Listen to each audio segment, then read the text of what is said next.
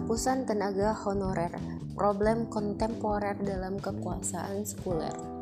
Menteri Pendayagunaan Aparatur Negara dan Reformasi Birokrasi Jahjo Kumolo menjelaskan bahwa status ASN pada 2023 nanti hanya ada dua, yaitu PNS dan P3K.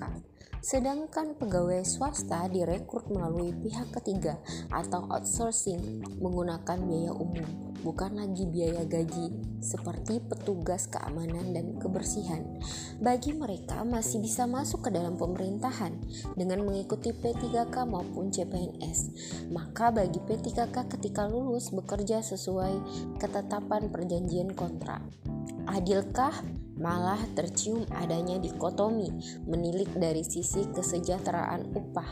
Gaji ASN lebih memadai daripada honorer dan jaminan masa depan dua status ini bertolak belakang. Pertama, tenaga honorer akan kehilangan mata pencarian mereka karena tidak ada lagi alokasi APBD untuk gaji honorer. Rentang waktu seleksi dan teknis penghapusan status pun belum jelas. Apakah mereka diberhentikan semuanya dulu sebagai honorer lalu tes atau status masih honorer dan boleh ikut tes?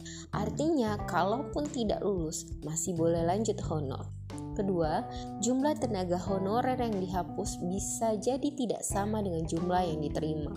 Ketiga, jumlah bukaan kuota tidak berbanding lurus dengan analisis kebutuhan tenaga kerja oleh pemerintah daerah.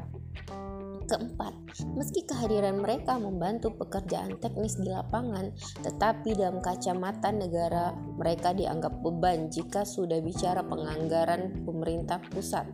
Prinsip tata kelola urusan umat dalam sistem Islam kafah berlandaskan aturan sederhana di mana negara menyediakan lapangan kerja yang memadai bagi warga negaranya.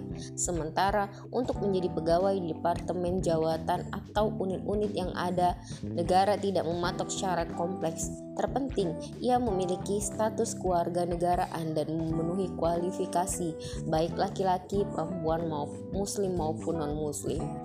ASM dalam negara hilafah adalah pegawai negara yang akan mendapat upah dengan akad ijarah, kontrak kerja dengan gaji layak sesuai jenis pekerjaannya. Tidak ada istilah honorer karena rekrutmen tenaga kerja dilakukan sesuai kebutuhan real negara untuk menjalankan semua pekerjaan administratif maupun pelayan dalam jumlah yang mencukupi. Pengaturan demikian menjadikan status ASN bukanlah satu-satunya profesi yang masyarakat kejar. Umat tidak akan terjebak dalam dilema ASN atau bukan, honorer atau tidak, sebab ketenaga kerjaan dalam khilafah menganut sistem rekrutmen berbasis pemenuhan kebutuhan bukan sekedar status. Wallahu a'lam.